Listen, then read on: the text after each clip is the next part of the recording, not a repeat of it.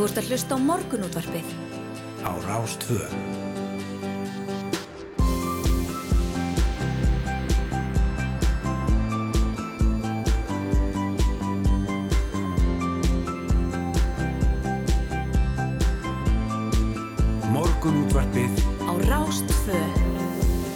Góðan daginn, það er Rúnar Robertsson og Félix Bergson sem helsa þennan uh, miðvíkudags morgun 20. júli í dag. Góðan daginn og velkomin á Fætur. Já, góðan daginn, ágættu hlustendur, uh, gott að vera með ykkur á þessum ljúfa miðvíkudags morgni og það er komin, já hvað, e, 20. og 20. 20. 20. júli, Já. vorki meina minna. Þurftu Og, að hugsa eh, þetta aðeins. 11 steg hitti í höfuborginni Sól, smá gjóla, en æðis þetta lappið út í þetta veður. Í en dásanlegt, maður setjum sólglerugun sko. Og það er nú staðreind að skilst mér að e, meðalhiti í júli í Reykjavík mun vera 12-13 gráður. Meðalhiti, já. það er einhver að ljúa þér hana. Nei, ég segir svona, Já, það er, þetta er mun vera sko. Já, þetta, er, þetta er vist ekki meira en þetta sko. nei, ég meina þetta svo samt. sem sko, ég meina það er náttúrulega, þú veist, það er meðalhitin sko. Já. en það er, en það Ég held að hann væri, sko, hérna, larri. Ég held að það væri lægri. Já, ég held að hann væri lægri og ég bara, Nei, ég held að það sé rétt 12 sko, það sé, já, Já. Ég, ég, að, ég, skal, ég skal skoða þetta aðeins ég held að það var alveg rétt fyrir þér. Nú googla ég, nú fer ég herra, tala við herra Google. Já, eh, frú Google. Frú Google, já, já, það þannig, já, Ég já. Frú Klukku, ég tala við frú Klukku. Tala við klukkuna. Með þessi öll með að gera í dag og forröndastum er heimsmestaramótið í frjálsum íþróttum sem er fer fram í orögunni bandarækjunum en eh, við fáum mannin sem var að lýsa langtarmöndu nóttu til að vera á línunni hjá okkur um eh, hálf nýju, segur Björn Átna hann ætlar að segja ykkur aðeins hvað er um að vera þar eh, og eh, svo er það fréttir, svona erlenda fréttir Já, það er svona yfirleitt, er, júli kendur við gúrku, það er svona gúrkutíð, en það er ótrúlega mikið erlendur fréttum og hún Já. ætlar að koma og Ólu Ragnarsdóttir og setjast hérna hjá okkur fréttakonna. Ég verið að viðkjanna það að þú segir gúrkutíð að það er óheimi mikil gúrkutíð eh, frétt á mörgum miðlum í Já, þar meðal hér. Eh, kópur með spún í mununum Þetta Já. var víða í gær. Já, þetta var víða. Þetta mikil var víða, já, já, já, já. það var sætt sér og, og hún var bjarga og allt það en, það var einhvern veginn, þetta var svona mörgum stöðum en maður bara svona, að, gúrka Já, akkurat. Já, já, Reykjavíkuborg tók köttin á síni mínum og það var bara, bara, bara var efni margar Já, einmitt, og viðtöl og ég veit ekki hvað, já, og hvað. já, já. En það er sama, það er ótrúlega mikið að gerast í erendufréttum og það er bara til dæmis ástand í Ukraínu og svo var Putin að hitta Erdogan og það er bara endalust og svo náttúrulega íhjaldsmenninni í Bresku og, og stjórnarkrepp á Ítalíu þannig að við ætlum að ræða þetta við Ólfur Ragnarsdóttir hérna. Já, eftir klukkan átta. Nú, eh, fyrir átta að eh, þá ætlar, ætlar, ætlar við að ringi hérna Maríunni H. Helgadóttur, hún er formar og frangatastöður félags íslenskara náttúrufræðinga. Við ætlum að ræða við hann um, um þessi frumarsturug sem er í samráðskáttinni núna um að heilbreyðistasmenn geti eður vilji starfa fimm ára lengur en nú er leifilegt. Mhm. Og það er ekki alveg, þetta er ekki svona klíft og skórið. Nei, svo um það- sannarlega ekki. Nei, nákvæmlega og meirum meir um það fyrir klukkan átta. Svona mílaði auðvitað og þessi, þetta uppnám sem er orðið með kaup franska fjárfæstingasjóðsins Ardian og því. Já, e, og menn hafi gengið hansi langt í að halda því fram að þetta er bara orðspor Íslands ég hættu og annað slíkt. En við ætlum að ræða þetta svona frá, frá neytenda sjónarhóttinu við hann Já. Dreka Karlsson frá neytenda samtökunum Hann kemur til okkar nú um, blöðin í dag, Já. fréttablaðið og morgurblaðið, við höldum að því og svo erum náttúrulega vefmiðlarnir. En uh, fór síðan fréttablaðinsins greinir frá því í dag að kaup ríkisjóðs á hluta höfðustöðar landsbankans sögðu verið í uppnámi. Og uh, það er vegna, vegna þess að, að, að svona í stóru máli að, að verið er að skoða innan ráðanöndan ástjórnarhansins að, að bara húsakost uh, ríkisins Já. og þeir vilja menna það eða þau vilja menna það að uh, þetta koma svo öllu saman fyrir í núverandi húsnæði. Öllum ráðanöndum og öðru slíku það þurfi ekki að leia af landsbankunum og það setur náttúrulega einmislegt í uppnám hann því að, því að landsbankin gerði bara ráð fyrir því að ríki væri að fara hann inn í, í, í, í, í hérna já, ríflega þriðjung flatarmáls nýja húsins Já, þetta er ekkert smá að þarna þanga átti að fara auðvitað ekki sér ráðanettið og, og fleiri ráðanetti eða e- eitthvað meira en, en, en þetta er svo sem ekkit eh, staðfest í þessu en, en, en það verðist þér einhver uppnámi Já, menn svona minnstusti, já, er þetta ekki, ekki samningaviðræður? Það er Jú. ekki það, það er menn er að búið sér til þú samningsstöðu. meinar Ég vona það, það sé bara já, Það þurfa allir að gera þess að búið sér til samningsstöðu. Og svo er á, í fórsíðu mokkans, það er mjög skemmtileg mynd hérna að fólki að njóta listar í Hafnarhúsinu. já, Hún Halla Margrét uh, Jóhannsdóttir leiðsögumæður þar að sína fólki en, um, en Erró var nýræður í gær held ég öruglega og það er þarna um, og það er beðið bóðið upp á leiðsagnir um síninguna Erró sprengi kraftur mynda. Þannig að það er bara um að gera hvetja fólk til að skella sér listar bleikja ykkur og, og sjá þetta. Þetta er Eh, yfirleitt hann er alltaf stórkostlegur stórkostlegur listamæður Erró og orðið nýræður. En svo er þessi eh, hérna, e, viðtal við Gilva Sóeka. Alltaf gaman þegar Gilvi, við- Gilvi Sóeka e, lætur ná í sig en e, hann segir nokkra þætti milda áhrif verðhækkana í helstu viðskiptulöndum á fjárhæg íslenskra heimila. Já, krónan sé að styrkja skakvart evru, uh, myndunum, mynd, uh, evru, evru myndinni og laun hér hafi hækkað meira en viðast erlendis.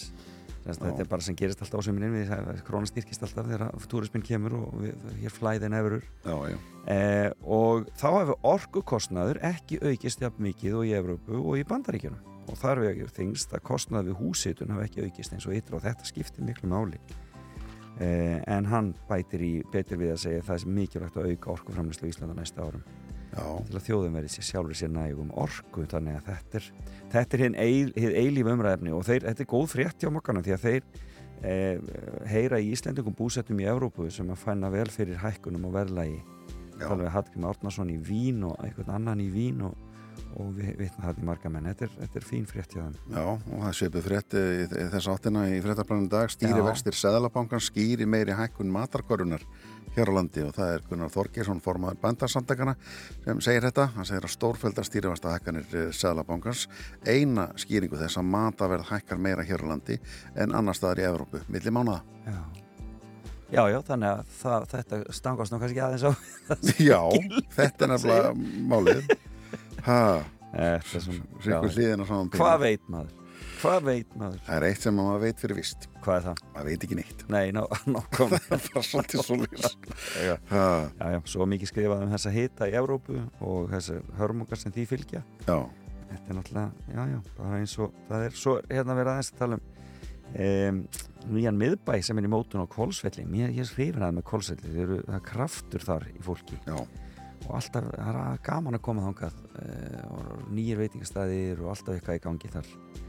Þannig að þeir eru semst að um, að fara að rýfa einn af þremur bröggum sem standa á baklóði austurvegi í miðbænum á Kolsvelli og í fyllingu tíma svo raunir að rýfa alla brakkan og lóðin sem þeir standa á að vera tekin undir nýjar vestlunar og þjónustu byggingar og mikil eftirspunnin eftir slíku húsnæði á Kolsvelli og mikilvægt að svara kalli þar um segir Anton Kári Haldursson sveitastjóri í Rangvartingir í Istra mm Skemmtilegt. Það er uh, loksins búið að, að rífa uh, hérna grinderkið og það sem skildi í, uh, nýja hótelinu, Hótel Reykjavík sögu, nei Hótel Reykjavík sem að, jú, sögu sem er verið að taka gagninu nú í sumar á lækjargötunni. Þá sér maður svona götumyndina betur og Ég uh, finnst þetta rosa flott, ég er að hjóla þarna hjá mér, þetta lítur mjög vel. Þetta lítur mjög vel út og uh, en kvítahúsi við Lækjagötu 10 sem er svona gamalt hús á hotninu Já, á, á skólabrú og Lækjagötu það verður bara hluti af nýja hótel Reykjavík sögu. Og uh, á að nýta svona kaffihús og, síningasalur og eitthvað svona tótt sem verður hérna að þetta, þessi reytur verður einn sæla segir David Torfi Ólafsson frangaðastur í Íslandshátila spennandi. Já, já, gaman er að svona Nóg í líf kemur í þetta Já, já, algjörlega og það er fullt í gangi hérna nýri miðbæ og gaman að fara. Já, Gaman að fara, gaman að fara hann gaman að fara. Já. Já, ég hjóla hérna í gegnum reglulega og þetta er bara dásanlegt. Já, Mikið að gerast. Mikið að gerast, já, já. En uh, það líður að frétti með okkur og fréttir uh, frá fréttastofun á slæginu klukkan uh, sjö og síðan höldum við hann fram uh, hér í morgunudorfinu og rennum betur yfir hvað ætlum að gera í þættinum og, og spilum fína tónlistyrði svona í, í morgun sárið. Tjekkum á veðrinu. Já, þau erum að tekka á veðrinu, Nema hvað. hvað þau vita. Þú ert að hlusta á morgunútvarpið á Rástvö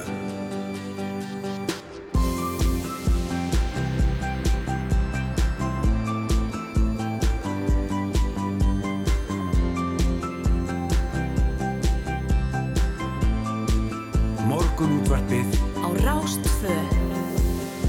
daginn og velkomin á Fætur segir við á nýheri í morgunúttarpinu Rúnar Róbertsson og Felix Bergsson með þér í dag. Já og það er ímislegt sem við ætlum að stúsast þennan morgunin Heldur betur. Já, Heldur betur. Velkjörlega Ég lók þáttar átlum að forrættast að þessum heimsmeistaramóti fyrir ásum íþróttum sem er í Oregon í bandarækjanum og mótunni líst á rúf frá miðnætti á hverju nóttu og það gerir Sigurbjörn Átni Argrímsson af sinni alkunnu snild mótið er stærsta frálsýþróttamót sömasins og þangast þarna vanalega allir sterkustu íþróttamenn heimsins. En mikla tafir á orðið á vegaberifs áratunum inn í bandarækinu undarfærið sem hefur haft við árið að ekki hægt að segja að allt sterkasta frálsýðrasta fólk heimsins sé mætt til keppni. Nei, og við ætlum að vekja Sigbjörn Donna hann náttúrulega var að lýsa fram á nóttu og ætlar að vakna fyrir okkur. Hann er ótrúlegur, ótrúlegur. En þó júli sé gætna kentu við gúrkur þegar kemur að fréttum er ótrúlega margt fréttnænt að gerast um allan heim. Úkraina logar eins og menn vita og almenni borgarar þjást en stríðisherran Putin ákvaða skuttlast til Teheran þar sem hann hitti Erdogan Tyrklandsvásetta sem hótar enn svíum og finnum að standa gegn umsum hrerum aðalda NATO. Leðtókjör íhalsmanna í Breitlandi verður æmera spennandi og Ítalíur enn skollin á stjórnarkreppa og við ætlum að ræða þessa hluti og fleiri heimsmálinn semst almennt við Ólfur Ragnarstóttur fréttamann. Mm. Eh, réttir átta þá eh, ætlum við að að hengina Maríuna á Helgadóttur. En Heilbriðs ráðnitið hefur sett frumvarpströg í samráðskátt stjórnvaldaða sem stemtir að, að Heilbriðs starfsmenn geti eðir vilji starfa fimm ára lengur eh, nú en nú er leifilegt eða til 75 ára aldurs. Og Er það ekki bara frábært að vinna eftir sjötut spyr Maríana Helgadóttir formáður á frangotastjóri félags íslenskara náttúrufræðinga sem er annað stærsta aðaldafélagið innan bandaras háskólumanna og þetta, þessi spyr hún í aðsendri grein á vísi og ætlum að ringi Maríana og spyrja hann nánar út í þetta. Þetta er ekki alveg borlegjandi, þetta er ekki skrift og skorið Sannarlega ekki. En svo er það kaup franska fjárfestingasjóðsins Ardian á fjarskipta fyrirtekjunum Mílu sem verðist verið í uppnám eftir að samkjæfnistofnun byrti sín skilir fyrir kaupunum Viljónumar Átnánsson formaður umhverfis og samgöngunemndar alþengi skekk svo langt að segja að orðspor í Íslands í hættu að þessum sökum og bendir á miklu rýmri samkefnisreglur í Evrópu. En hvað þýðir þetta mál fyrir okkur neytendur? Og hver er afstæða neytendarsamtakana? Breki Karlsson, hann ætlar að koma hérna, verður hérna um 7.30 hjá okkur. Já. Bara eftir fréttæfilitið og við ætlum að ræða þetta við hann og svona ræða máli svona vitt og breyta eins og í sögulegu samhengi líka. Einmitt, eh, nú, eh, fyrsta lag hjá okkur í dag á eh, Meistari Múkisson, það er bara þannig, hann ætlar að stinga með okkur. Það er sömar í þessu, fara með fjölskylduna aðeins í smá bíltúrum sveitir landsins, setja staði einhverju læð og fá sér smá bita. Sjá sel. Sjá sel, til dæmis.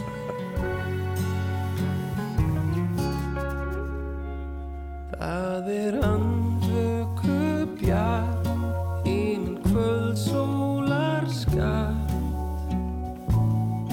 Finnum læk, litla lau, tínum grös, sjóðum grau. Finnum læk, litla lau, tínum grös, sjóðum grau. Finnum göðdróttan hvað og fyndin sel í smáta. Lækja niður lítill foss skeinu sá mömmu koss. Lækja nið lítill foss skeinu sá mömmu koss. Stingum að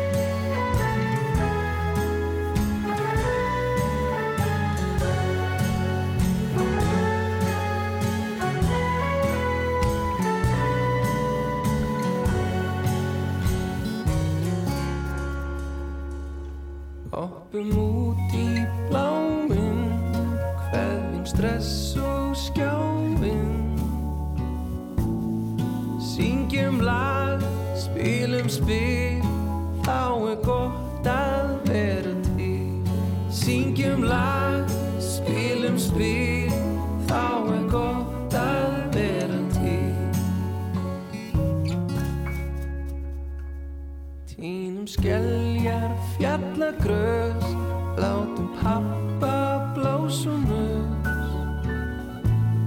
við grjótar hól í felu leik á hleðslu lampasteik við grjótar hól í felu leik á hleðslu lampasteik stingum að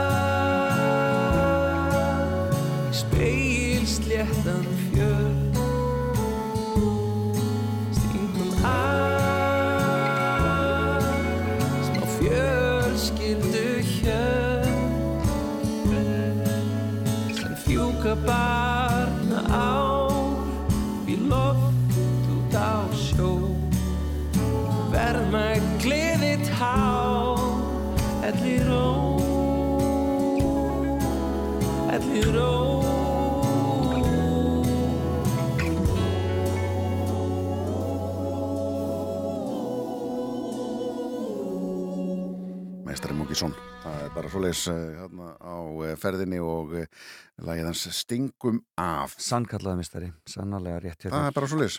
Heyrðu, staðfest smitt, Já. COVID-fréttir, komin yfir 200.000 á Íslandi. Já, Já, já. Þetta gerist um síðust helgi og þetta kemur fram á verðum COVID.is þar sem byrtar eru upplýsingar um fjöldasmitt og fleira tengt faraldarum og þar kemur einnig fram að rúmlega 5.000 manns hafa veikst oftar en einu sinni af völdum veirunar já, en 53% íbúi hér á landi hafa greins með sjúkdóminn COVID-19 Já. og alls hafa 179 látist af völdum sjúkdómsins. Og mánudag lág 30 á sjúkrahúsi og þar var tveir að gera gæslu. Mm. og þann dag greindust 258 með COVID-19 en ég, sko, ég held að þetta sé nú hærri tala. Þetta Þetta sé er ekki meir en 53% sem hafa fengið þetta. Já, já og svo líka uh, þetta er óbæra tölur yfir þeir sem hafa greinst uh, fullt af fólki sem lætur ekkert greina sig og, veist, því það er ekkert skild að fara í, í þær nei, nei, mælingar. nei, nei, nei, þannig að þessi þessar tölur eru pottitt lágar. Já, þetta sé, sé hærra. Já, maður og einhvern veginn ég menna að þetta er rosalega tölur frá Ástralíu núna hvað sagði, 50.000 manns á dag? Já, Arn Jósensson sagði það frá því í sex fréttum að 50.000 manns á- í gær sem að greindust. Og Breitlandi, það var alveg ótrúlega tölur þar. Ég held að einn átjándi þjóðarinnar hafi verið með COVID þarna um daginn. Eitthvað. Já, það er mikið er rosalega margir. Heyrðu en svo er þessi fuggladauði í eldei já, mikið hefur drepist af súli í eldei segja þér frá hérna í mákanum og uh, í júli í fyrra voru um og yfir 300 fugglar fyrir framann vefmyndavilna en núna er þeir rúman, rúmlega 100 segir Sigurður Harðarsson rafendavirki og hann hefur umsjón með vefvendamél í eldei og myndir úr henni sjást á eldei.is og líklegasta skýringin af þessu er fugglarlensa það er ekkert annað. Það er bara svo leis Já, það er að leðilegt að er mara þarna döðir fugglar í hálfu kafi. Æ, er ekki Þetta er leiðilegt, en Já. það er svona, en þetta er hérna en það er gott ástand í eigum segja þær, það er nú gott. Það hefur fugglafinnisann ekki náða Já, að uh, var, valda svona skada einmitt. Eh, Lundin þar eitthvað sástótt eitthvað hérna við. Já, mikið væri það nú gott. Talandi um Lunda að hérna ég las um daginn mjög á að vera staðreind um, um, um hvaða áhrif þeir hafa haft á kvikmyndasöguna til dæmis, Já, Lundar að, að þeir og vestlunarrekstur í Reykjavík í leiðinni Já, og Vestlunarækstur í Reykjavík.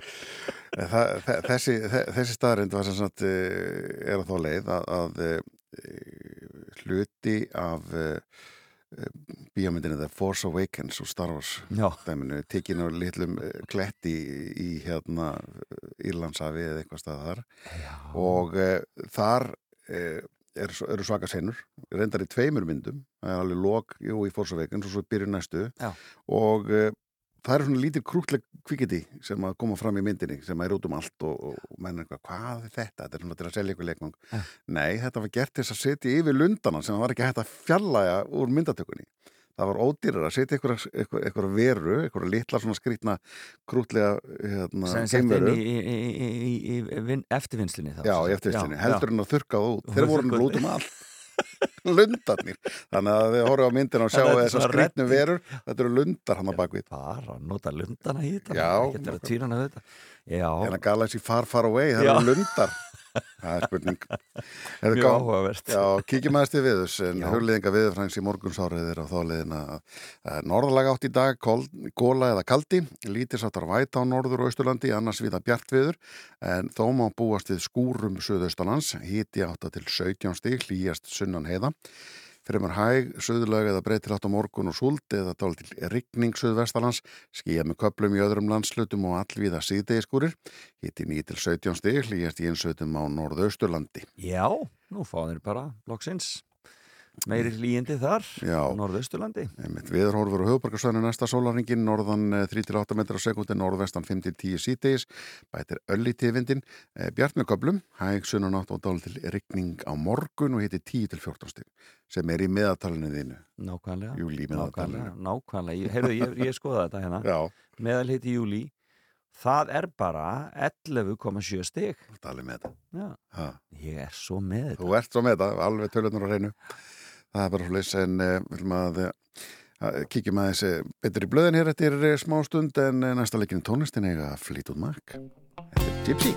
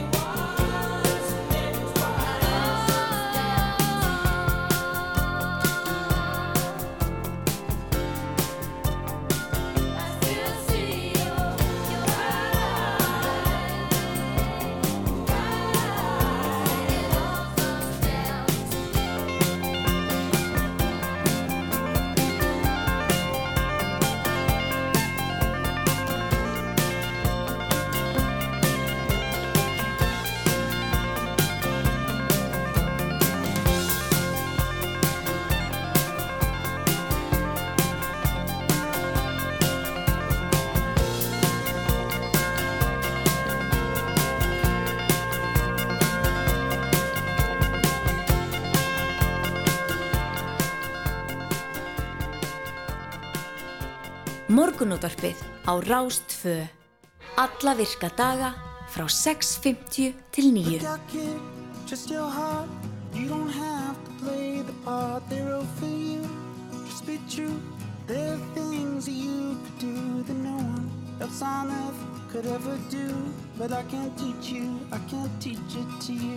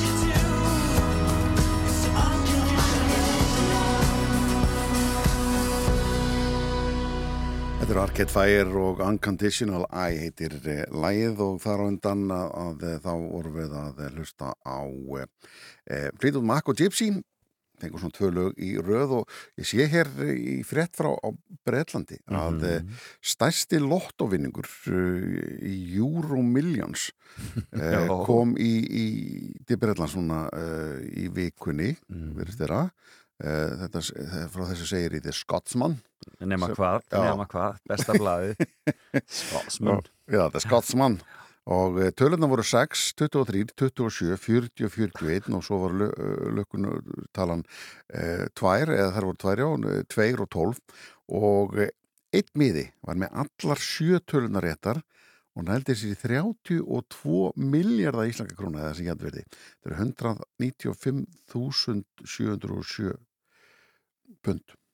195 miljónir 707.000 pund. Þetta er rosalegt 32 miljónir, mil, miljardar. Tve- 32 miljardar Já, og þeir leika sér með þetta hér í The Scotsman ég fyrir alltaf í Connery hann segir. Scotsman að hérna að e, sá sem að á þennan miða hann getur kipt sér 11 Boeing 747 þóttur Já, já, já, já, og hann getur kipt sér 23 uh, kafbáta af gerinni Fæsis uh, Fæsis 5, nei Fæsis 6 menn að segja, ekki við þekki ég munum á þessu. Já. hann getur kipt Southampton fó, fótboltaliði Já, hann getur haldið Eurovision svona fimm- sex sinnum.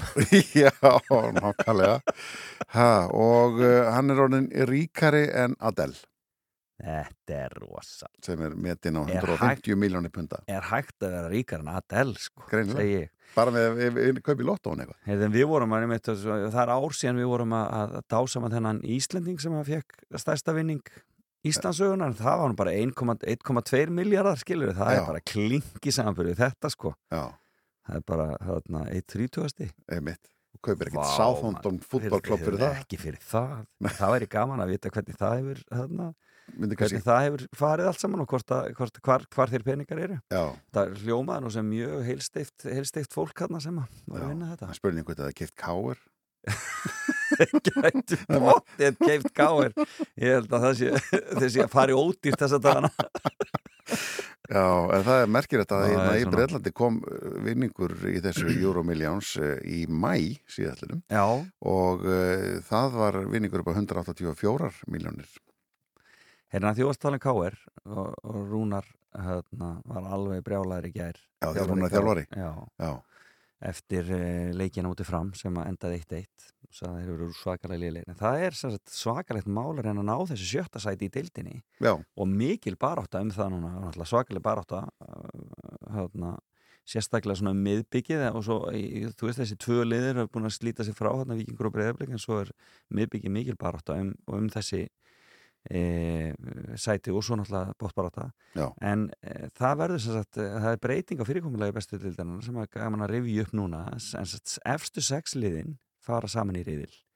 taka með sér stíðun og fyrir umferðum og leika einfalda umferð og sex neðstu liðin gera slíkt til sama já Þannig að, þannig að eftir að það búið að vera svona tvöfald umferð eins og alltaf, þá koma þessir fimm auka leikir á hvert lið. Þannig að þau sem eru kannski núna í fallsætum þurfa ekkert endilega örvenda því að þau getur bjarga sér það er bara þessum 15 stig í bóði sko, þau taka allt sem það er. Þannig að það er bara, þetta verður svakalega spennandi núna eftir í, í lok sumars. Já.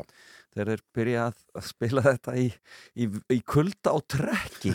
Ha, og þau öll og stelpuna líka því að þar verður það sex efstu spila einfaldum umferð og fjögur neðstu hjá stelpunum. Já, þetta verður, þetta verður skemmtilegt. Þetta er nýtt fyrirkomuna sem er spennandi að sjá hvernig kemur út, ekki spurning með það. Eru Breki Karlsson komin í hús.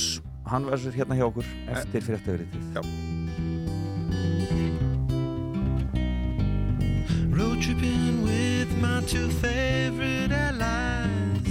Fully loaded, we got snacks and supplies.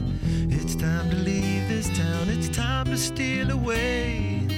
Let's go get lost anywhere in the USA. Let's go get lost, let's go get lost.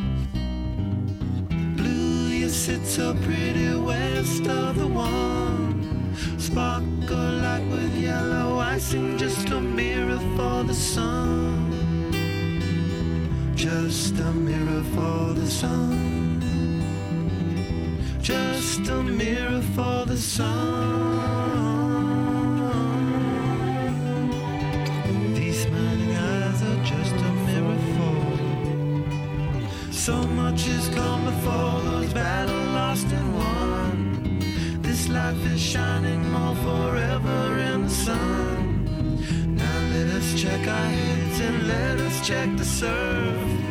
Staying high and tries more trouble than it's worth in the sun.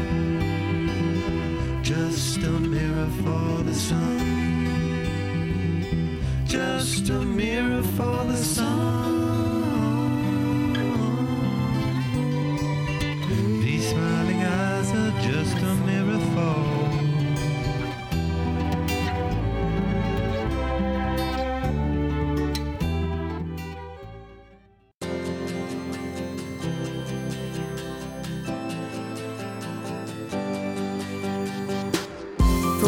Á morgunútvarpið. Á Rástvö. Já, komið sæl aftur og þá höldum við áfram hér í morgunútvarpinu og nú ætlum við að ræða eins um Mílu eða fjarskiptafyrirtæki Mílu.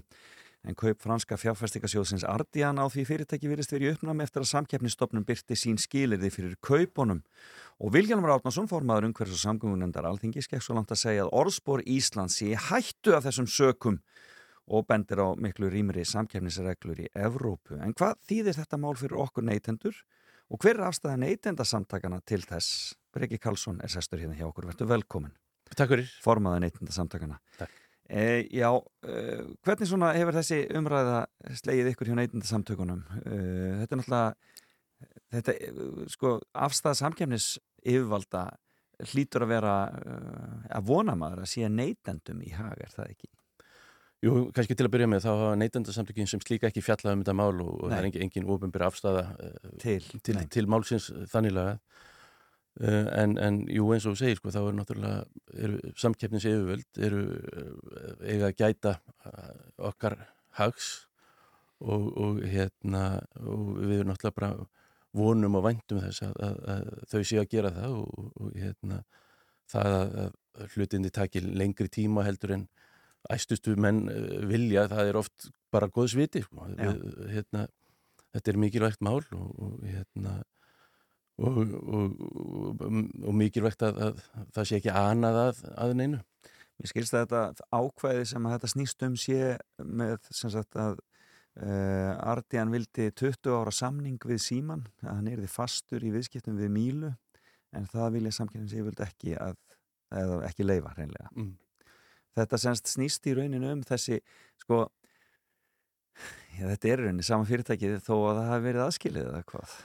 Já, þetta er náttúrulega í, í þessum geira og, og, svona innviða uppbyggingu eru yfirleitt langir samningar og, hérna, og það er ekkit óðalilegt að séu, séu það, það þetta eru, hérna, við erum ennþá að nota hérna, uh, já, búnað og, og, og tækni sem, sem var, var byggður fyrir, fyrir áratugum síðan hérna, uh, og, og, og þannig, að- þannig að það er ekkit, óðalilegt að sé langu tíma en, en En náttúrulega, uh, einmitt, því, því lengri sem hann er, því, því minni aðskilnaður verður í raun og, hérna hann að þannig að það, það, hlý, þau, þetta er nú eitthvað sem svona, menn, menn hljóta að finna út úr sko. Já, einhverja, einhverja lausn. En-. En eins og staðan er í dag að þá er Mílan náttúrulega, eh, náttúrulega eina fyrirtækið á þerramarkaði.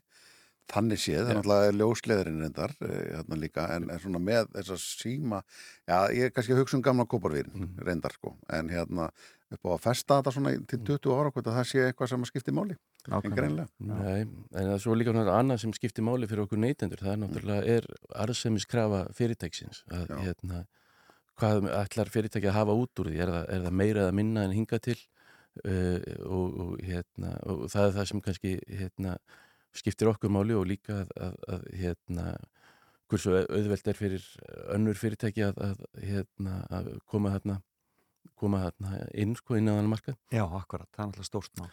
og, og, náttúrulega en, en það sem skiptir líka kannski mestu máli er, er hérna uh, fjárfestinga vilji eða, eða fjárfestinga geta fyrirtæksins að, að hérna nú er, er Ísland mjög dreift fyrirtæki og, og dreift hérna, eh, land og, og hérna það er ekkit að, færi allra fyrirtækja að, að hérna eða, eða á, á dagskrá allra fyrirtækja að, að, að hérna já, að færa hérna, tæknina til hérna, dreifðu byggða eins og, eins og við höfum verið að gera hérna, og, og sérilegi fram, fram að því að, að, að þegar að að síma var að þá voru við í, í fremstu röð í, í hérna, innleiðingu nýrar tækni, við vorum fremst hérna, í heiminum að, innleiða eh, já, hérna, interneti til, til allra heimila en, en, en síðan þegar kemur að, að, að engavæðingun þá einhvern veginn hérna,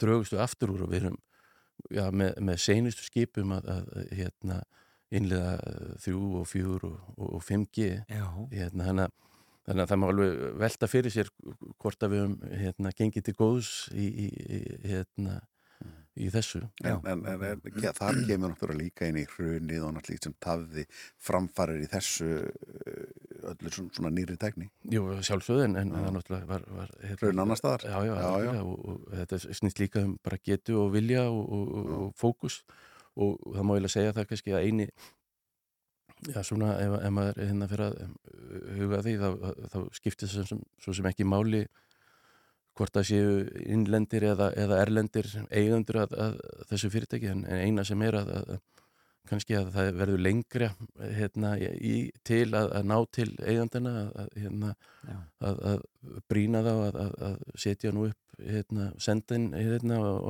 og þessari heiði en, eða, eða hinni heiðinni.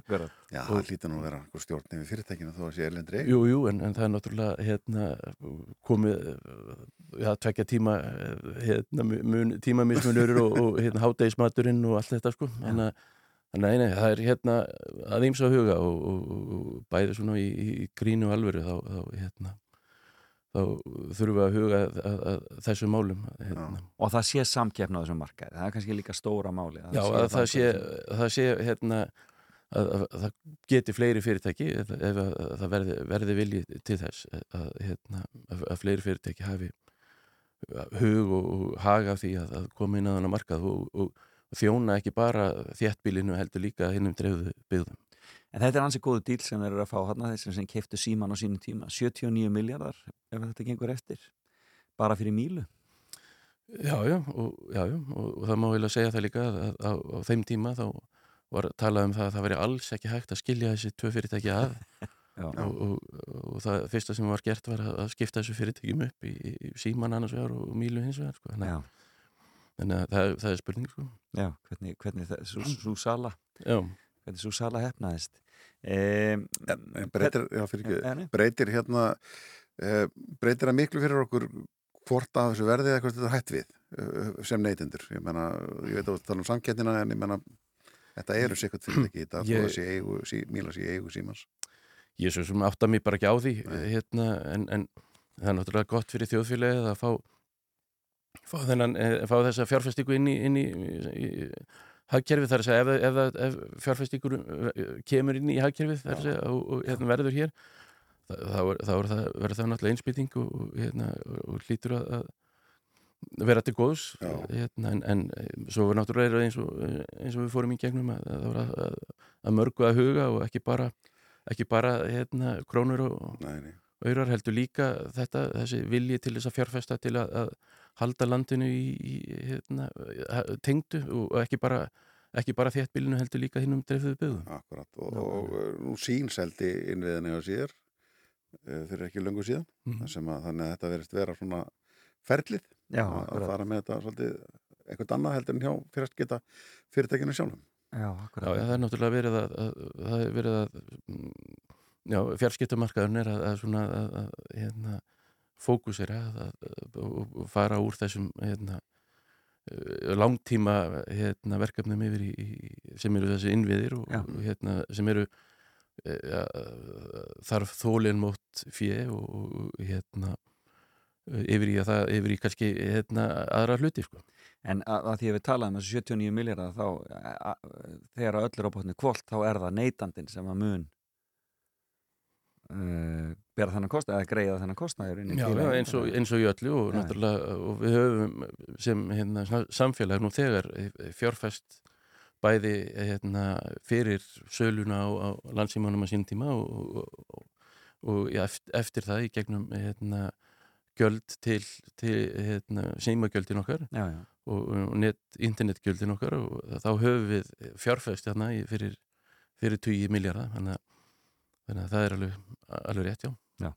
Þetta verður, þetta verður áhugavert að sjá hvernig þetta mála áttur að þróast og verður mikið rætt öruglega núna á höst dögum en Birgir Karlsson kæra þakki fyrir að koma til okkar hér í morgunúttarpið. bestu þekkir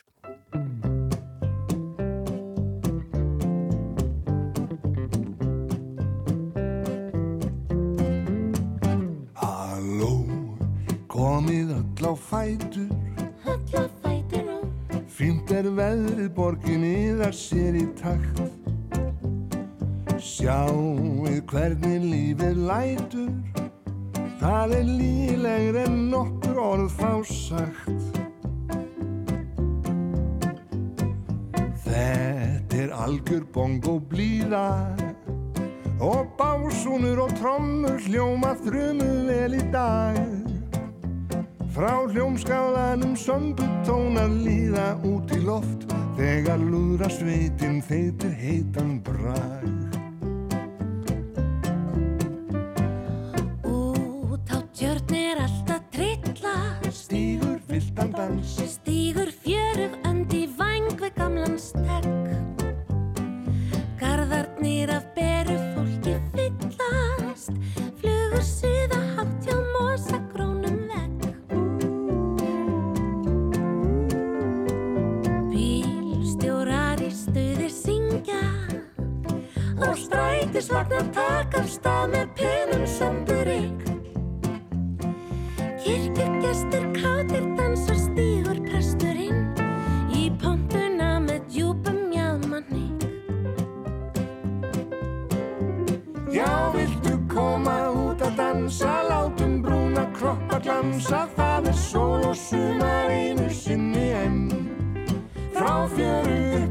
Fjallakamba, fjöru hljóma sóla samba, dansum hratt, því annars kemur vetur senn. Á laugavegi dansar löggan samba Dansa löggur þá og í laugunum er sungið þetta lag. Fylli bittur Flórídana þamba Full á móti býður loksins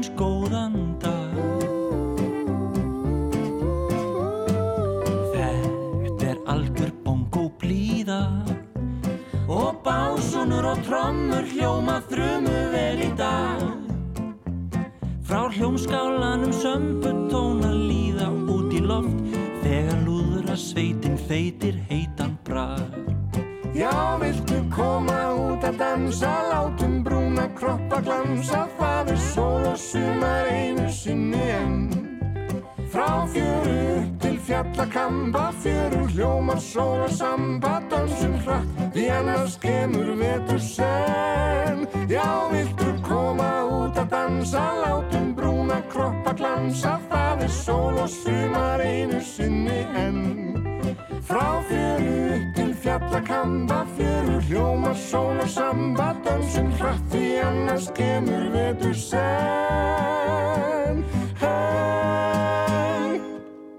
Þú ert að hlusta á morgunútvarpið á Rás 2. Við ætlum að halda áfram hér í morgunúttarpinu og núna ætlum við að beina sjónum okkur að já, þessu, þessum frumvarsdrögum í samráðskátt stjórnvalda þar sem að e, nefndi er að, eh, eða stendir að því að heilbreyðir starfsmenn geti ef þeir vilji starfa 5 ára lengur en nú er leifilegt eða til 75 ára aldurs og, og þetta er, kemur út af mönnunavanda og eitthvað svona slíkt sem þessar hugmyndur kom inn. Og ég hef heyrt eh, fólk spyrja er það ekki verið góðilegi og, eh, og svo aðrir, okkur er ekki allir ofnbæri starfsmenn? og eitthvað svona, Já. bókar ráði brótið svolítið sjálft og þetta er, er svolítið þannig. En um, er ekki bara frábært að vinna eftir sjötu spyr Maríana H. Helgadóttir formaður og frangatastöður félags íslenskara náttúrufræðinga sem að e, er annars stærsta aðaldafélaginan e, bandalags háskóla manna og hún e, skrifa þetta í grein aðsendur greina vísi og e, þetta er bara ekki svona einfalt eða hvaða Maríana, sæl, góðan daginn Já, góðan daginn. Góðan daginn. Nei. Sko, þetta er nefnilega ekkert einfalt mál því að hérna eins og kemur fram bara í frumvarpinu hjá þeim að þá er mjög flóknar að að breyta lögum um ofnbæra starfsmenn. Þannig að maður velti fyrir sig hver réttastað þessara félagsmanna eru sem að eða þessara starfsmanna sem að ætla að vinna til 75 ára. Því að það er algjörlega ótryggt í þessu frumvarpi sem við erum að leggja fram núna eða þessu áformin um lagarsetningu. Já, þetta er raunverulega bara að, að þessi framlenging er þannig að þú, þér er sagt upp sjötut og, og það og sækir þá um að vinna lengur og þá ertu á verri kjörum eða, eða þegar kemur að lífeyrismálum og okkur fleira. Uh, ég kannski ekki segja að verða kjörum það er bara ólest hvað kjörum verða. En það sem við leggjum mikla áherslu á er að, hérna, að þetta sé tryggt áður en við förum þessa vegferð að sé tryggt að þessu njótu sömu réttinda og þeirra sem eru 70 ára og yngri. Og það er með því að breyta bara lögum, lögum heilbyrðistarsmenn að það dugar ekki til til að tryggja réttastöðuna Þannig að það er einu verið búið að aftengja í einu verið lögin um, um, um starfsmannlögin alveg frá þessum aðilum vegna þess að það kemur sérstaklega fram að þau eiga bara og veru við þeir sem eru í aðalstarfi og það kemur sérstaklega fram í þessu áformu þeirra að þeir sem starfa eftir sjötugt séu ekki starfi hjá viðkomandi vinnuveitnis sem aðalstarf eftir sjötugt. Og síðan er bara svona ímislegt annað sem er í, í réttindu þeirra sem er ótryggt. Þannig að Þannig að ég get fyrir mitt leit ekki sé að þetta sé vel, vel ígrunda hjá stjórnvöldum Nei. og þess vegna viljum við benda á þetta. Já, og, og, og af hverju fara þessa leið? Jú, það er mönnunavandi í heilbreyðskerunum, en af hverju er þessi mönnunavandi? Þú spyrði eiginlega að því, eh, það þarf að horfa svolítið á þá grunnspyrningu. Já, það kemur kannski ávart að fyrir náttúrfæðingar sé að, hérna, að velta sér upp úr heilbreyðstjórnum en það er bara þannig að það eru nokkuð margir eh, sem eru í okkar félagi sem eru að vinna hjá heilbreyðstofnunum og það, við erum með náttúrfræðingi heilbreyðsjónustu, við erum með næringafræðinga, matvælafræðinga og hjá okkur líka einni lífendafræðingur og aðra heilbreyðslettir. Þannig að þetta er okkur mjög nærtakt að hafa áhugirinu af þessu og við höfum náttúrulega fylgst með stöðuna á landsbítalvanum og fleiri hérna, heilbreyðstofnunum og Málið er að þessar stofnum eru undir mannaðar launin er ekki góð, vinnálega er, er mjög mikið og það að, að, hérna, að leysa þennan vanda engungum með því að ráða fólk yfir sjötu. Það, það, það gengur ekki, það þarf að hugsa grunnróti vandans sem er vantilega fjár, fjár þurf landsbítarans landsbítar þarf meira fjármál til að geta reykið sér bæði landsbítarinn og fleiri stjættir því að við ráðum uh, ekki hvort þið verið leik og landsbítunum þarf að taka við fólki þegar það verið vikt og sinna þeim. Það getur ekki sagt ég ætla bara að taka 10% veikra sjúklinga og sinna þeim að því ég gefna meiru. Þannig að hvar bytna hlutinni, það er fasta kostnaði hjá landsbítalarnum og fleiri stafnunum í húsnæði og fleiri og tækjum og tólum og livjum og svona fleira. En þannig að það er alltaf skert starfsfólkið í raun og veru Já. og leinikjöru þeirra og, og, og mannavandin sko. Þannig að þetta er svona næstu því svona eftir á redding stjórnmálamanna, þú upplifir þetta þannig? Já, það má segja að, að það kemur endur spekla svolítið í þessu uh, áforminu þeirra er að þeir eru ekki að pæli starfsmanninu. Þeir eru að pæli allt öðru að leysa sinn vanda á kostna starfsmannu og það gengur ekki til lengur. En nú hafa sko samtök uh, eldriborgar á Íslandi sem er mjög áhugavert uh, talað mikið um þetta að fá að vinna áfram. Það hefur verið svona einhver hérna, svona reyfing í þá áttina uh, á meðan maður horfið til dæmis til annar landa þar sem að menn eru í sko blóður í barótt að fá að halda í eftirlauna aldurinn þarna til dæmis eins og í Mm. Fraklandi erum við, erum við einhvern veginn öðruvísi hér þegar kemur, þegar kemur að þessari, þessari viðhorfi til vinnu á Íslandi? Uh, já, ég hugsa það að við séum með einu verið það því að hérna, það má segja að flestir eru að fara mjög seitt á lífri hérna, hérna á Íslandi og mér finnst bara að þetta er mjög góð hugmynd að leiða fólki að vinna eftir sjötu. Og bara mjög góð leið ef að það sé val starfsmannsins fyrst og fremst að hann fái það val hvort hann vilja vilja áfram en að réttindinu samt í lífeyris réttindinu myndi halda sér. En það er bara í raun og veru að hjá Íslandi er svona vinnu menning Já. og það er bara degið að vinna Já. og við viljum bara sjá þetta að fólk er að að hrökkast fyrir að að vinna markaði sem yngri eru í kölninu og svona fleira. En það er degið að vinna í Íslandi og þetta er einhvern svona menning sem við þurfum að breyta því að það er ekki gott að, að, hérna, að fólk hérna, vinni sér til sjá, bara óbúta En nákvæmlega, nákvæmlega, já, akkurat. Og, og bara mjög mikilvæg umræða Og svo maður nefna það til dæmis að, hérna, að á Íslandi þá eru að fraka, fara frekar setna á lífuri heldur til dæmis Danmark og Svíþjóð allan frá 2007 með svo á 2014. Þannig að við erum að fara setna á lífuri. Já. Þannig að ef fólk myndi fá þetta svigurum að fá að vinna lengur, að þá ætti að veita það en að tryggja réttin til fólksins. Já, nákvæmlega. sem. En er ekki akkurat, uh, þetta er akkurat málið að þetta er í samráðskátt þess að gera slíka rattuarsendir og, og, og fá, fá þessu, reyna að fá þessu breytt? Jú, en það sem ég hefði viljað að þeir hefði gert er að þeir eru að skoða ímis hérna mannkanta og kortleika ímislegt en þeir sleppa starfsmannum Já. Og það er það sem við þurfum að gera áður en setja þetta frumvarp í loftið er að, kortleika hvaða áhrif þetta á að hafa starfsmæður sem ætlar að þykka þetta vinnu.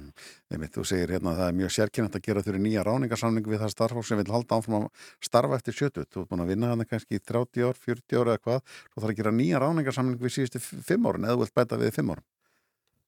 Já, og þess vegna hugsa maður býta á hvað ráðningakjöru verður þau ef að þau til dæmis er í starfi það ekki bara halda áfram eftir 78 ráðningakjörum sem verð og þá klinga hérna bjöllu hjá okkur á hvað kjörum á þetta fólk að vera. Einmitt, það er mjög óægilegt að gera þetta svona. Já, Mm. munið þið í félagi Íslenska náttúrufræðinga sendin umsögnum þetta frumvarp í samanarskottina eða er það kannski búin að því? Nei, við erum ekki búin að því en við erum klálega að gera það. Já. Við erum óskað eftir að það sé fáum fresti 15. því það er sumaleiði núna akkurat þegar þetta, þetta frumvarp, eða áformum frumvarp er að byggja því samanskottinu. Þannig að við höfum óskað eftir frest, þannig að ég fullt að trúa því að við fáum þennan fresti 15. ágúst og þá verðum við búin að skrifa inn umsögn. Já, einmitt. Marjana á Helgadóttir formáður og frangatastjóri félags íslenskra náttúrufræðinga. Takk fyrir að fara eins yfir þetta mál með okkur. Bara kæra þakki fyrir að hafa samband. Takk fyrir. bless. Já, og framöndinni hjá okkur eru fréttir klukkan átta, við fáum eitt lag áður fáum fréttinar en og svo ætlum við að fara í erlenda fréttir á, á næsta hálftímanum eða þess að hinum hálftímanum sem er framöndan melli átta og hálf nýju og uh, þar er af nóg að taka og stóð að gúrka segja sér á það. Íslandi Nákvæmlega, nákvæmlega En eh, svona síðasta lag fyrir fréttir á uh, Dædóm White Flag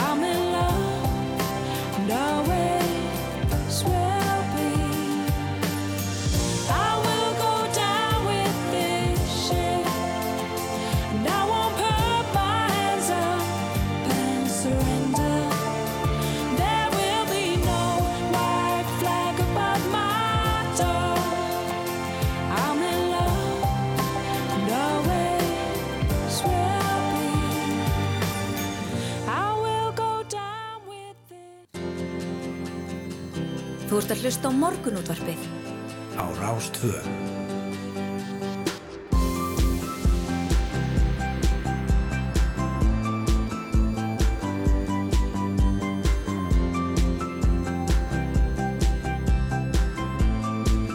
Morgun útvarpið á Rástfö Já, þá höldum við áfram hér á Rást 2, Rúna Róbertsson og Felix Bergsson og eh, við ætlum að vera með ykkur eins og vennilega til klukkan 9. Já, já, og spila flóta svona með því sem við svona, skoðum eh, landsmálinn og heimsmálinn og Ímislegt sem er að gerast, allt þessa íþróttirnar og svona. Ímislegt þar á milli, já, Ah. nákvæmlega Þú að forrættast um heims, heimsmeistaramótið í fyrir álsum íþróttum sem fer fram núna í Oregoni í bandarækjánum og er á þar leiðandi að leiðilegum tíma fyrir okkur Íslendinga Já. Það er á nóttinni sem þarf að að fylgjast með þessu Það bárst fréttir af því að það væri hérna, að það væri ekki búið að redda öllum vegabrís áritun og það vantaði minnskusti 100 íþróttumenn á mótið. Já, að þeim orsökum. Bara í rauninni ef rétt er, er þetta náttúrulega svo yfirgengilegu skandall að það er bara ótrúlega já, að landi eins og bandaríkinn ætla að halda heimsmyndstarmóti í frjálsum íþróttum get ekki komið í keppni þeim sem hafa unni sér keppnisrétt já. til landsins það með ólíkind þannig að við ætlum að ræða þetta hérna á eftir aðeins og svo líka bara svona hvað er að gerast á mótinu og hver er að, er að taka þetta. Já, og svo er, er það erlendu fréttinar Erlendi fréttinar hér til smá stund og uh, þá ætlum við að uh, skoða heimsmálinn og ræða þau við Ólegu Ragnarsdóttur fréttakonu hér uh, á eftir. En næ, fyrsta lag eftir áttafréttir uh, Eithor Ingi og Leilo aftur heim til þín. Eftir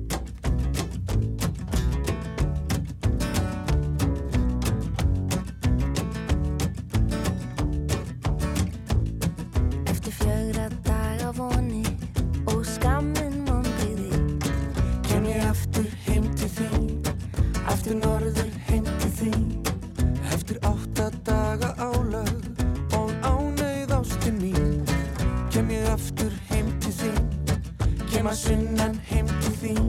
En ég næ svo illa áttum og ég fer svo oft af leið. Ég fer svo oft af leið.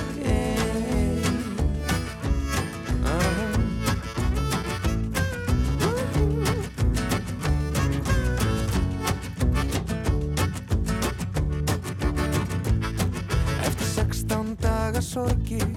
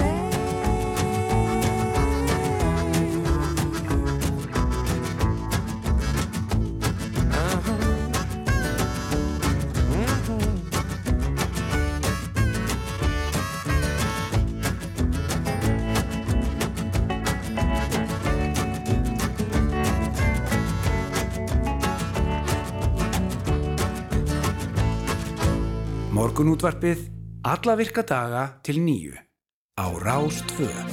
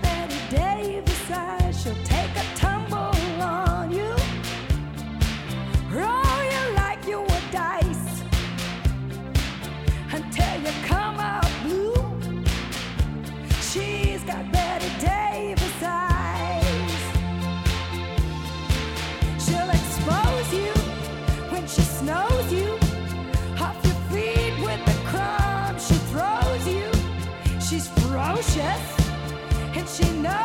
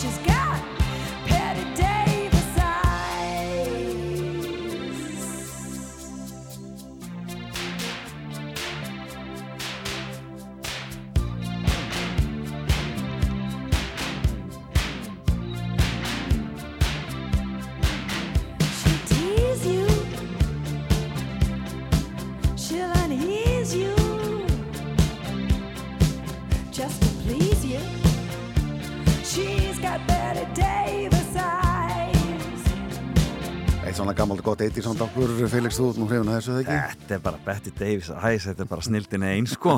Algjör snild. Heyrðu hún, uh, Ólöf uh, Ragnarsdóttir uh, forfallaðist Já. því miður en uh, við höfum góðan mann hér í staðin sem er Óttur Þórðarsson já, eigum við ekki að segja og veffréttamaður Þetta er kveik, kveik, Það er kveikja á honum. Já, já, það verður að heyrast í mér. Jú, það er, það er rétt nefni, ég, ég er að vinna vefnum Já, hérna Nákvæmlega, en uh, það, við vorum aðeins að tala um þessi þessa sko gúrku hérna heima en uh, það er ímislegt að gerast í erlendum fréttum þessa dagana. Heldur betur.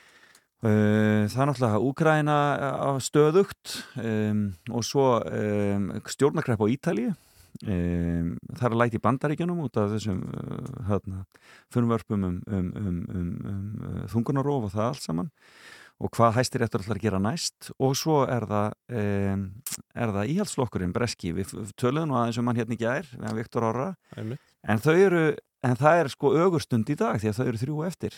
Þau eru þrjú eftir, uh, Rishi Sunak, Liz Trust og, og uh, Mordaunt. Um, og, nú er allt í einu trössorðin sko, þessi list trössorðin svona, eh, hvað kallað er það? Svo, svo menn telja líklegasta Já, hún er svona sigur stranglegst uh, stranglegst telja menn og hún uh, nýtur í raun og veru mest, uh, mesta stuðningsins frá stuðningsmönnum Borisa Johnsons. Uh, Jacob Rees-Mogg og Nadine Dorris uh, þau steyði hann og þau eru já, hafa verið ödulu stuðningsmenn Borisa Johnsons í gegnum tíðina. Uh, og hún þykir sigur stranglegust og, og álitskjafar í Breitlandi telja að, að Rishi Sunak og, uh, sem er fyrirhundi fjármálaráþra með minnir og uh, Liz Trust muni uh, sagt, eigast við í úslita rimmunni. Það verður svo kosið núna milli 1 og 3 á breskun tíma í dag Í dag, og þá kemur ljós hvað tveir munu standa eftir. Sko. Og það er síðan september sem það kemur í ljós hver verður. Já, og, þá- og þá kjósa almenni flokksmenn í breska íhaldsflokknum. En þetta er svona daldi falli á þessari Mordón því að hún var, hún var talin líklegust lengi framan af. Já, hún, hún kom sterklega til greina en uh, það, maður veit svo ekkert hvað gerist þarna í, í sölum breska þingsins þe- þegar að vera kjósa um þetta menn greinlega ræða sín á milli og, og, og, og svona skiptast á milli frambjóðanda. Já, það er kannski sko það sem að, það sem að ástæðan fyrir að menn telja að þetta verði frekar liströss er svo sem datt út er íhaldsum Mhm. og að atkvæðin hennar fari frekar á liströss heldur en heldur en Mordón, er það ekki þannig? Það var hún Kemi Batarok sem, að- sem að datt úr, úr leik í gær hún var Já, hún er, hún er svona mjög hægri sinnuð og, og vill eh, lækka skatta umtalsvert og, og, og svona reyfa seglin í, í ríkisfjármálunum Já. og uh, það er þetta fylgi sem að, sem að fer þá yfir til Liströss og, og þess vegna telja menn hana vera sigur stranglegsta eins og staðan er í dag. Þetta verður spennandi í dag. En uh, það voru læti í bandaríkjunum? Heldur betur, það voru já, tveir að minnstu okkur þingmenn sem að ég þekki til sem að voru handteknir, uh, Ilhan Omar og Alexandra Ocasio-Cortez. Já. Hvort það voru fleiri, var það ekki? Ég heldur að tala um 17 þingmenn 17 demokrata hafi þingmenn, verið handteknir í þessum látum hana fyrir utan, fyrir utan þarna, þingúsið. En þeir eru að reyna að þau, demokrata að reyna að setja lög setja sér tjónaböld samkynneira og aðgang að getnaðavörnum í lög Já. til að tryggja það að hæstiréttur get ekki farið að fykta í þeim málum Einmitt. í ríkjónum eins og hann gerði í sambandi við, eh, sambandi við fórstureyðingarnar. Einmitt. Og þetta er eitthvað sem að fólk uh, segir að demokratinir hefðu átt að vera löngu búin að gera varandi fóstureyðingarnar og varandi þungun og rofin og, og við erum að sjá aflenga þess að það var ekki gert og er svo menn svona vilji hafa það fyrir niðan sem núna og, og, og, og kipa þessu liðin og, og setja þetta í lög þannig að hæsturétturinn getur, getur ekki farið að krukki í þessu. Já, þetta, en það, sko, republikanir eru fannir að tala bara mjög opið um það að, að hjónum með samkynni hafi verið mistök og eitthvað svo leiðis. Já, já, Ted Cruz var að segja það að ég held, uh, þingmaður Texas og fyrirhundi fórstu frambjóðandi. En þetta kannski eh, kristallar enn á ný þannig svakalega, þessa svakalega polariseringu sem er í bandarísku þjóðlífi þess að dag. Já, og, sko það eru margir sem að segja að demokrater hefðu mátt vita að republikanarnir færu að tala svona sko Já.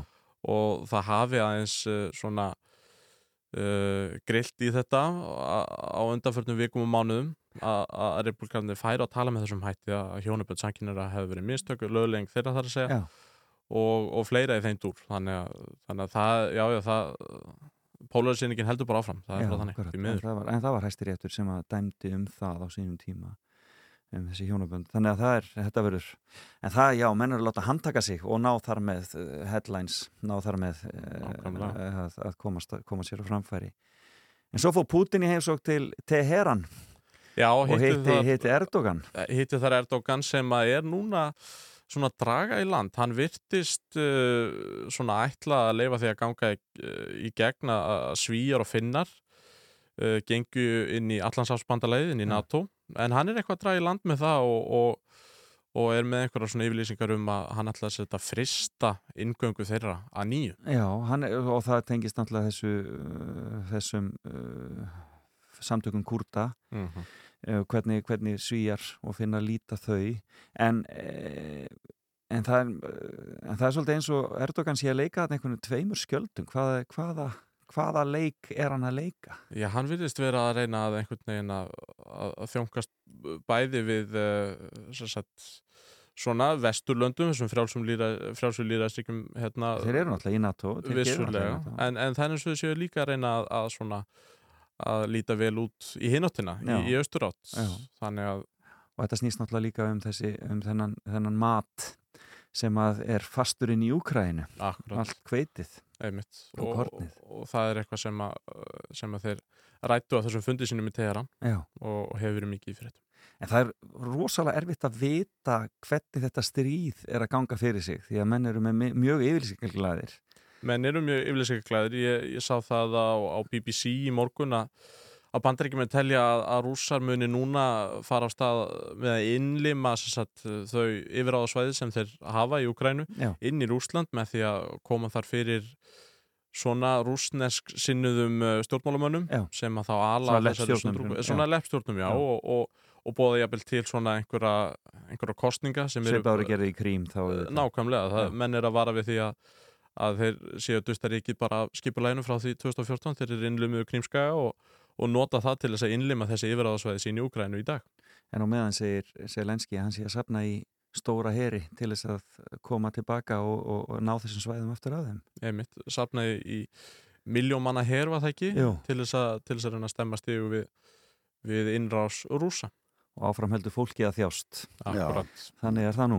Almenningur þjáist á meðan. Ég sé hérna, ég er alveg frétt um hérna á MBL-búndiris þegar að segja frá því að fórsættistur að það að Sri Lanka var rétti þessu kjörum fórsætti landsins hann er Ranil Virkir með Singe hún er séð með þetta rétt Mhm. en það er sem þetta var þingmenn Sri Lanka sem kursu fórsættan sem að mun ábrötu setja út kjörtjóðanbill fyrirverandi fórsætta sem var rétt rúmlega hálna þegar hann sagði það sér og uh, það er spurningu þetta muni lægi einhver öldur í Sri Lanka Já, það er nú það, öldurnar eru orðnar svo gífurlegar þar að, að það mun taka Já, ansi mikið til þess að- að að lægja þær, hvort að þetta gerir það, ég veit það ekki, efnarsástandi hefur náttúrulega verið algjörlega hrikalegt Er það ekki bara hrunið? Er ekki bara Jú, landið ekki aldróta bara? það, það má segja það sko. Þannig að það er, og mótmæla á göttum úti og, og, og hérna og fleira í þeim dúr, þannig að það mun, uh, það mun verða þarna einhver olga í, í einhver tíma í viðbót hugsa ég, hvort að þetta lægi öldurnar, ég veit það ekki, en vonandi Já, en, en það virðist samt vera að, að, ég veit ekki, að segir hérna að hörða afstæða eins nýkjörna fórseta gegn mótmælandum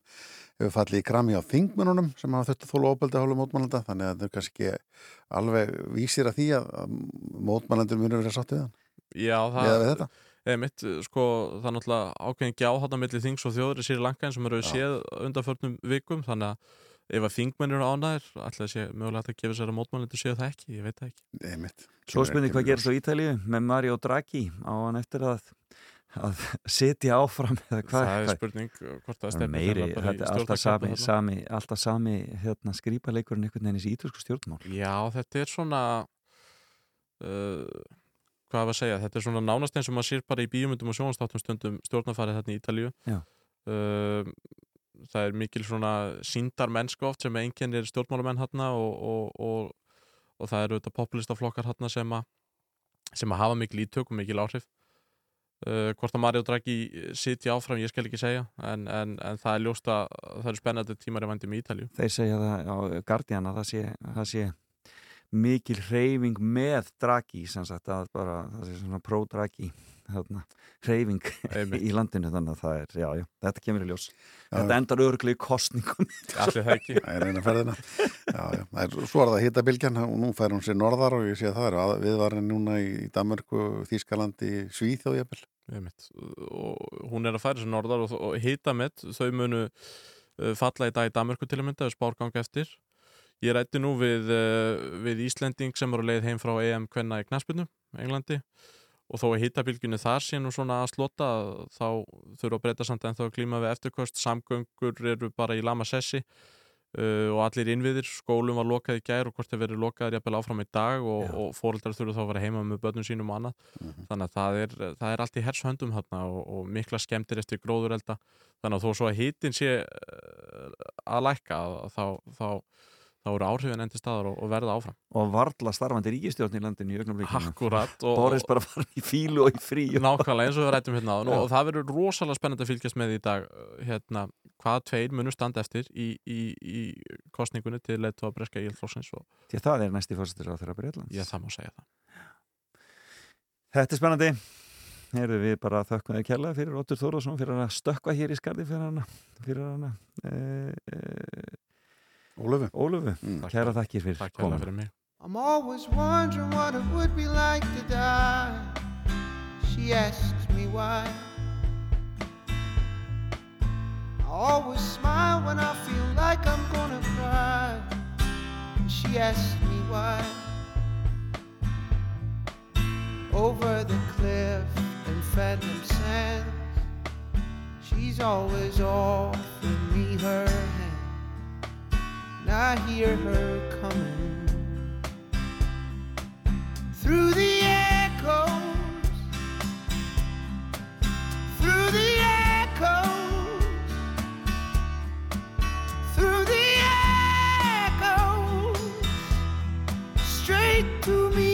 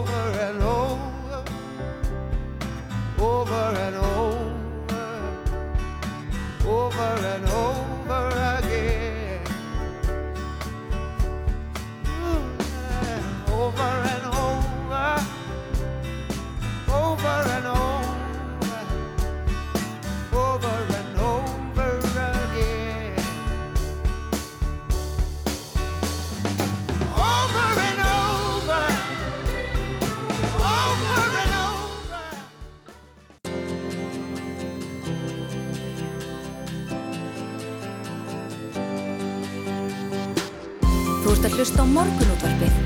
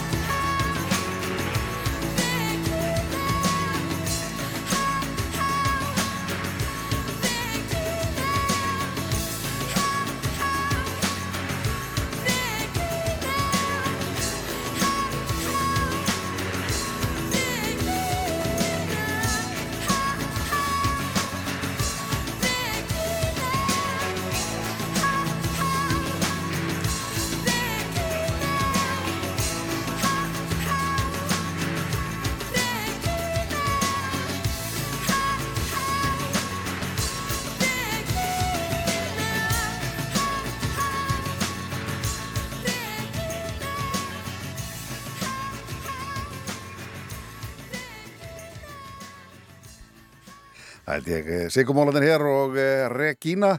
Alltaf gaman að þessu gamla lagi. Mann samt sem áður eftir í að hérna, hvað Sigurmólandir þóttu opbóstlega svona hvað pöngara sveit og eitthvað og þetta var ekki alveg mainstream. Já. Þetta er bara fínasta pop. Þetta er bara frábært pop, þetta var bara frábært pop. Og Já. þau náttúrulega þau vildu gera pop. Þess vegna búa þau til sigumólina Já, og, og nafnið er bara það skilur, Akkurat. þau vildu bara fara að gera popmusik og þarna ég veit ekki hvort þau vildu vera sérstaklega mainstream en þau vildu Nei. minnst gera svona sína tegunda poppi Já, já. og það var mjög Gerðu gaman já, Þetta þóttu nú aldrei til hliðar við allt á sínum tíma já, já, já, já, en svo bara sló ammæli í gegn í, í Já. Breitlandi og þar með var þetta einhvern veginn fór boltin að og jú. svona líka og ég sá það um tónleikum í Edinborg já, ætli það ekki verið 1989 eitthvað svo leiðis, eða Já. 1988 Já. og það var allt vitt þau voru rú, áttu rosalegt rosalegt fylg, voru rosalega góðu fylgja fagnar þar sko. þannig að það var mjög gaman að sjá það. Ég menna hljómsveit sem að túrar heimann og hitar upp fyrir YouTube.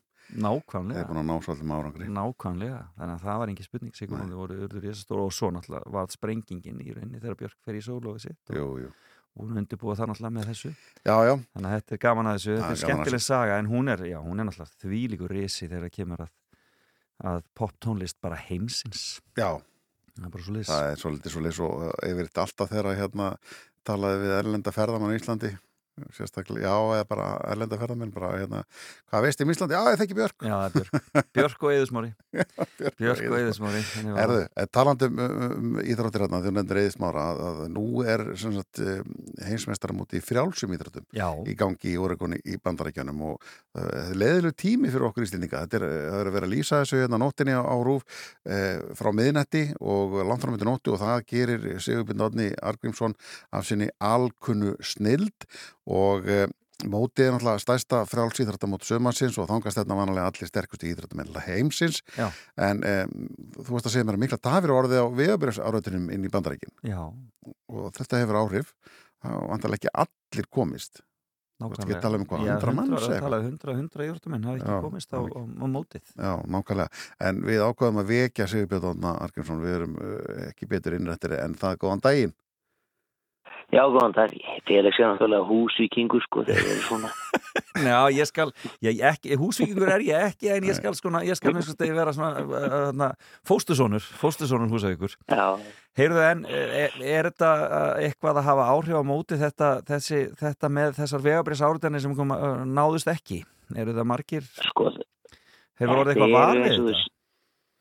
Nei, ég var mjög lítið varðið þetta en fór og skoða þetta. Eins og þetta eru, jú, eins og þú segir upp undir 100 íþróttum menn sem ekki komust og, og það er til þess að sírlenskur hástökkvari sem reyndar svo sem uh, þurfum að fara kannski einhver einhver 5, 6, 7 ára aftur í tíman þegar hann var upp á sitt kannski allra besta. Hann til dæmis hætti við að, að, að koma. Já. og svo var þetta kemiskur sprettlöpari sem, eh, sem náði bara inn eh, tveimur tímum eða tveimur tímum og 45 minútum lentan í, í, í Oregon eða Eugene í Oregon áður en átti að keppa í undarásunum í 100 og hann fór nú ekki langt blessaður því miður sko. Nei, akkurat. Og, og það var líka einhver breskur hlaupari sem að í lengri vegalengdum sem að, að þeir hafa mikið fjallað en það breytanir en þannig að það, en, en, en, þetta er hörku mótsann sem áður. Er Já, já, þetta er það, það er það sko.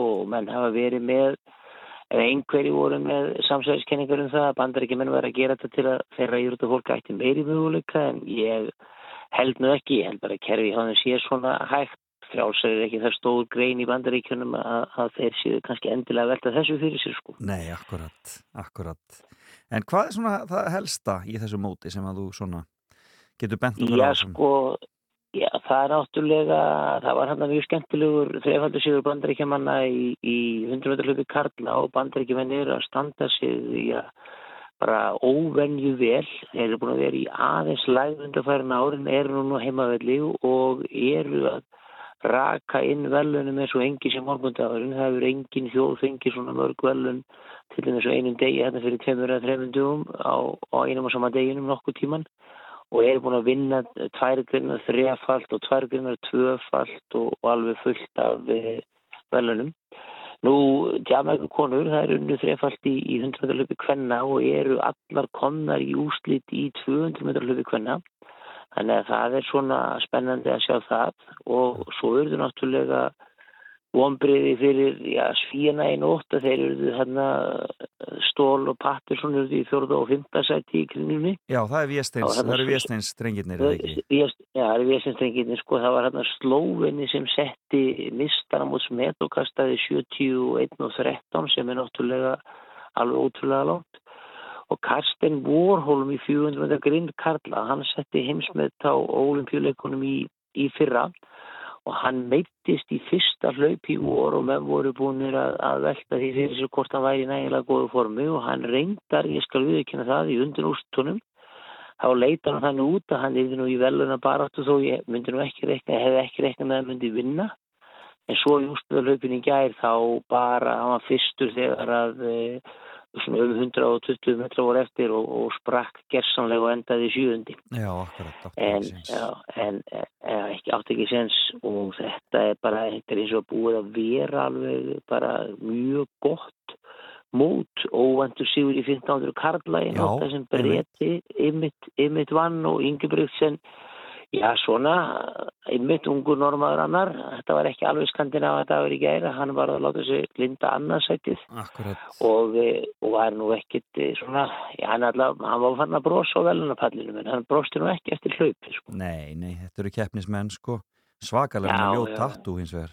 En það er annar mál. já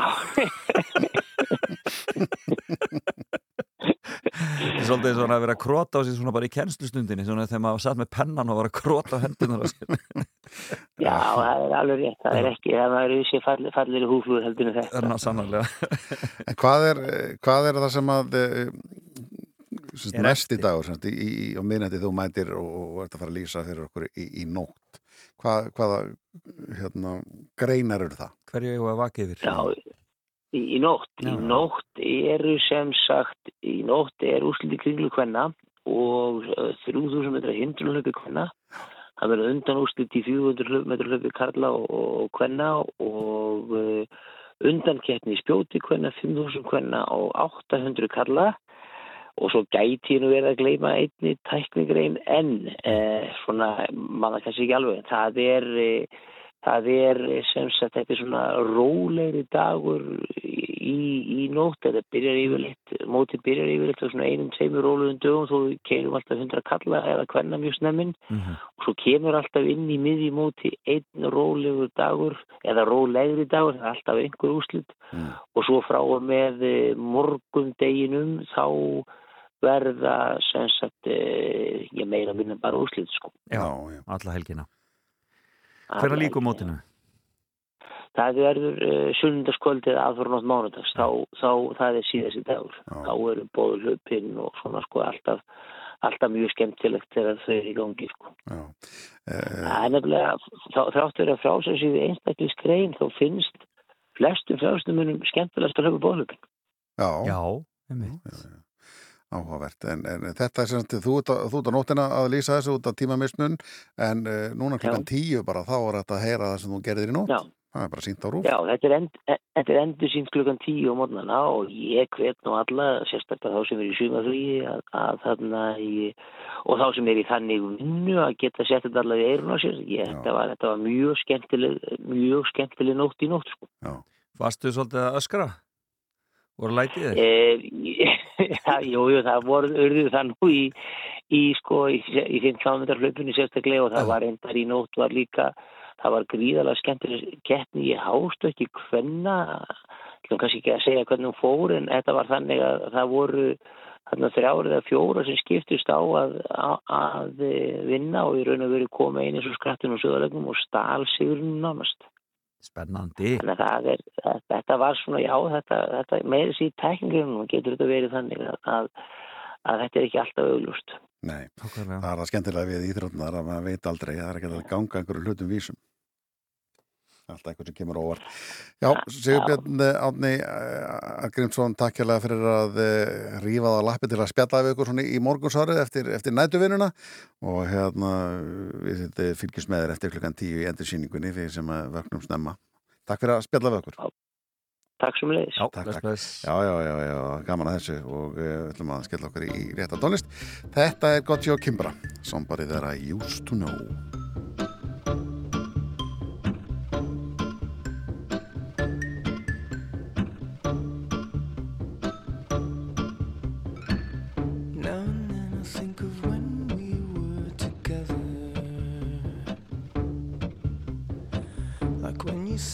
felt so happy you could die. I told myself that you were right for me, but felt so lonely in your company. But that was love.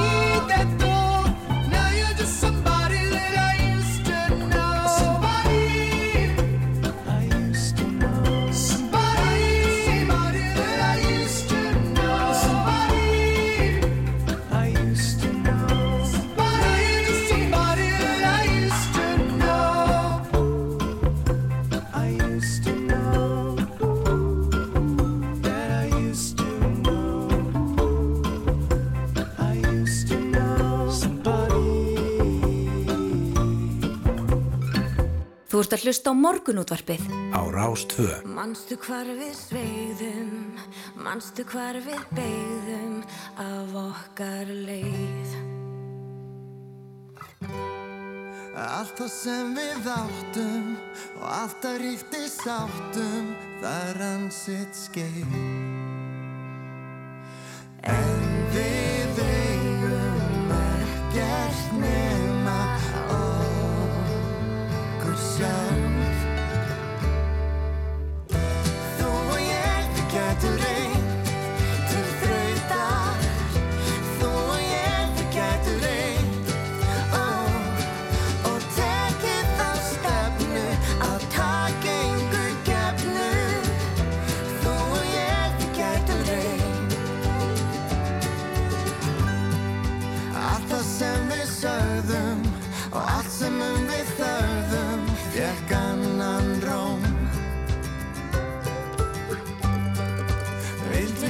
house.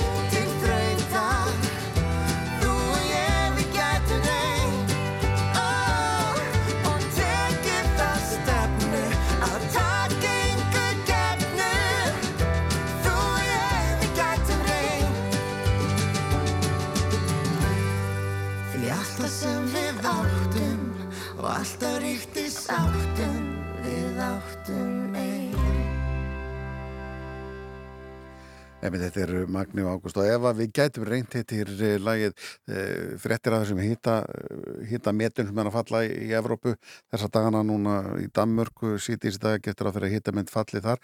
Og maður sér hérna á, á, á forsiður úf.is til dæmis e, fréttina spáð spá hýta met í Danmörku og e, sítið í dag sem sagt. Og fréttir við hliðina hýta bylgja ekki til Íslands og norðanátt í dag það, það er svona slegin svolítið niður bara ekki það við viljum fá svona ekki? leiðendar hitta, alls ekki Sást ekki hérna grínmyndina í fréttablaðin í dag frá Halldóri Baldus Nei. að maðurinn að grilla og það var alveg svolítið allt logandi sko þarna svona sunnan megin í grillinu en hann efst upp í, í þar virkaði ekki þarna, virkaði ekki þarna, Brennarinn. sko það, það var bara einhver, einhver þarna, kótiletta sem leit út eins og Ísland sem var afsalega lítið eldu þarna í samanbyrðu og allt hitt við þekkjum það sem að uh, grillum að það er alltaf svona punktur í, á grillinu það sem er að heitast Já. og svo það sem að virkar ekki ekki alveg Það er fínt að geima, fínt að geima hambúrgurabröðin þar sko. Já, lákalega. Það komið að leiðalögum hjá okkur í dag. Eh, Við verðum aftur í fyrirmálega 6.50. Það ekki á Nákvæmlega, það? mættir hér